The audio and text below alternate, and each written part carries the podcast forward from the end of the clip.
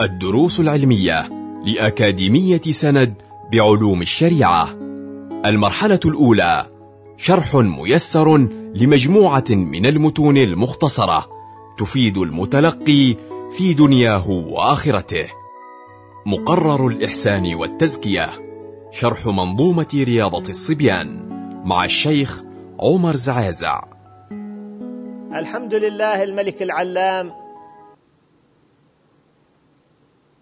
الكريم المان بالنعم الجسام والصلاة والسلام على سيدنا محمد خير الأنام وعلى آله الكرام وأصحابه العظام ومن سار على منهاجهم من يومنا هذا إلى يوم الوقوف بين يديك يا كريم يا سلام.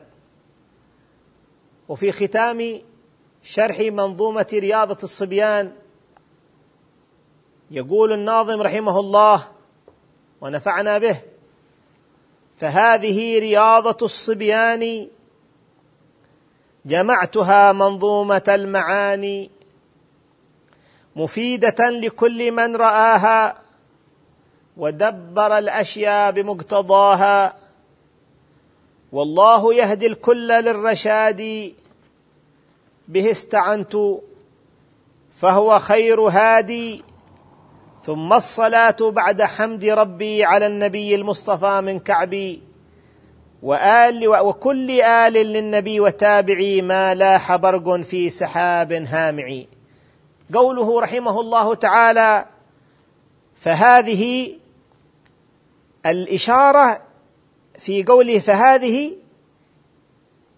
المشار إليه بارز ظاهر كما هو معتمد الإمام الرملي رحمه الله تعالى كما ذكر ذلك في نهاية المحتاج الجزء الأول صفحة 52 و المعنى في في هذه في الإشارة عند ابن حجر إلى ما في الذهن.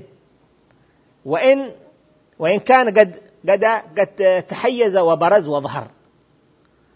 فهذه رياضة الصبيان وسبق أن معنى الرياضة عمل يقوم به إنسان يتدرب عليه شيئا فشيئا حتى يصبح عادة راسخة له. عمل يقوم به إنسان.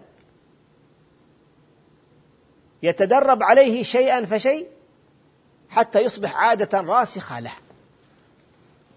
وذكرنا في بداية المنظومة أن حصر معنى الرياضة في الأعمال البدنية والرياضية هذا نقص وقصور والحقيقة أن كلمة الرياضة لا تنحصر في معاني قاصرة أو معاني منحصرة بل يتسع معناها ويدخل في كل عمل يزاوله ويتدرب عليه ويقوم به إنسان صاحب خبرة أو مبتدئ في العمل. يتدرب عليه شيئا فشيئا حتى يصبح عادة راسخة له.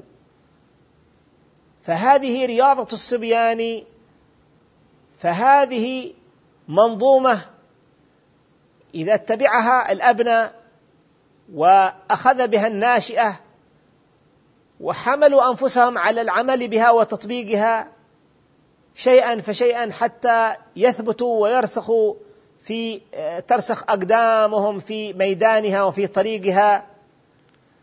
قال جمعتها منظومة المعاني. إذا قاموا بهذه المعاني وعملوا بها ورأوا ما من الله سبحانه وتعالى علي من خلالها من بديع النظم وحسن الترتيب وعظيم الفائدة قال مفيدة لكل من رآها ودبر الأشياء بمقتضاها. أي تأمل في الأشياء بمقتضى بموجب ما تدعو إليه المنظومة. ودبر الأشياء بمقتضاها مفيدة لكل من رآها لأنها تجدد للسامع ما يعود إليه نفعه لا سيما إذا تدبر. فالإنسان إذا أراد أن يغرس في نفسه وفي ذاته الصفات الحسنة وأن يقتلع من نفسه الصفات الذميمة لا بد عليه من أمرين اثنين. فبهذين الأمرين نقتلع الصفات جذور الصفات الذميمة من بواطننا ونغرس إن شاء الله وتنغرس الصفات الحميدة فيها. فما هما الأمران اللذان بهما؟ ننزع الصفات الذميمة من بواطننا ونغرس الصفات الحميدة في فيها. الأمر الأول قال العلماء الجد والاجتهاد قال تعالى والذين جاهدوا فينا لنهدينهم سبلنا وإن الله لمع المحسنين.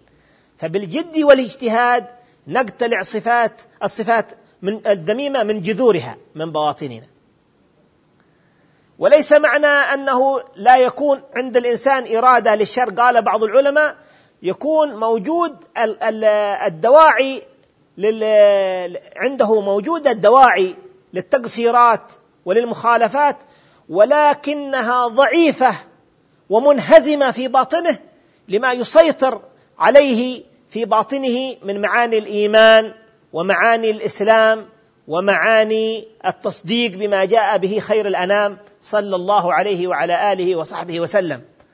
فبالجد والاجتهاد نقتلع الصفات الذميمة من بواطننا الأمر الثاني بالتأمل والنظر. بالتأمل والنظر نهتدي إلى الوسائل والأسباب النافعة لنا في دنيانا وأخرانا. فلا بد من التأمل والنظر في نظم الناظمين وفي إرشاد المرشدين. وقبل ذلك في كلام سيد المرسلين وفي كلام رب العالمين. سئل بعض العلماء ما سبب الضعف في تدبر القرآن؟ ما سبب الضعف في فهم القرآن العظيم؟ نقرأ القرآن العظيم ولكن عندنا ضعف في فهمه. قال السبب في ضعف الفهم في القرآن العظيم يعود إلى أمرين اثنين. الأمر الأول قلة التدبر.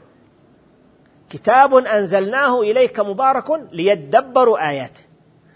والأمر الثاني كدورة في الباطن بسبب الذنوب والمعاصي. فبهذين الأمرين يحصل عندنا ضعف في فهم القرآن العظيم. الأمر الأول قلة التدبر.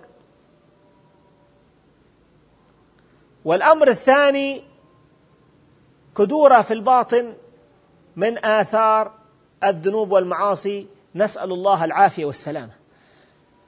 فإذا تدبرنا القرآن وتأملنا فيه وتفكرنا في معانيه وصفينا بواطننا من الذنوب والمعاصي أظهر الله لنا معاني القرآن وأسرار القرآن وعلوم القرآن.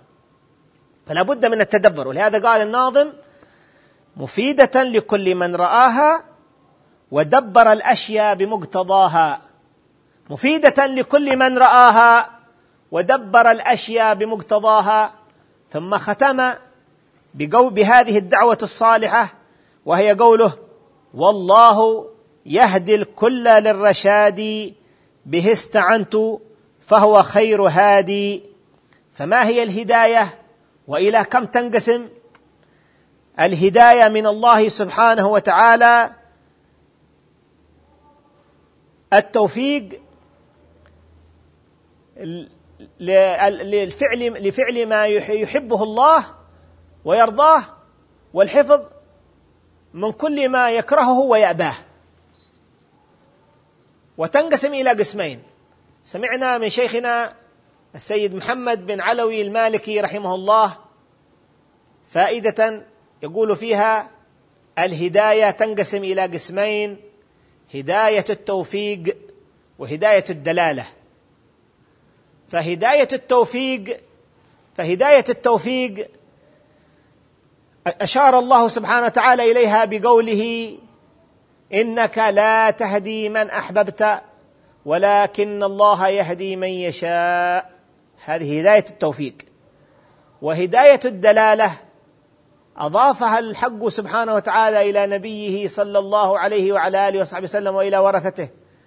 فقال الله تبارك وتعالى وإنك لتهدي إلى صراط مستقيم.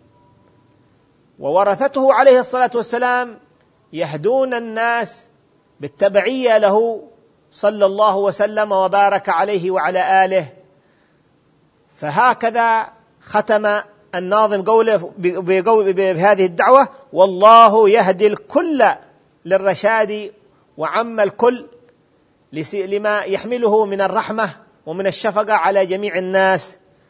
قال والله يهدي الكل فيهدي غير المسلمين للدخول وقبول الاسلام والعمل ب ب ب بما فيه ويهدي المسلمين الذين شردوا وبعدوا عن منهج ربهم وهدي نبيهم إلى التمسك وإلى الرجوع إلى حظيرة الإسلام وإلى تعاليمه العظيمة.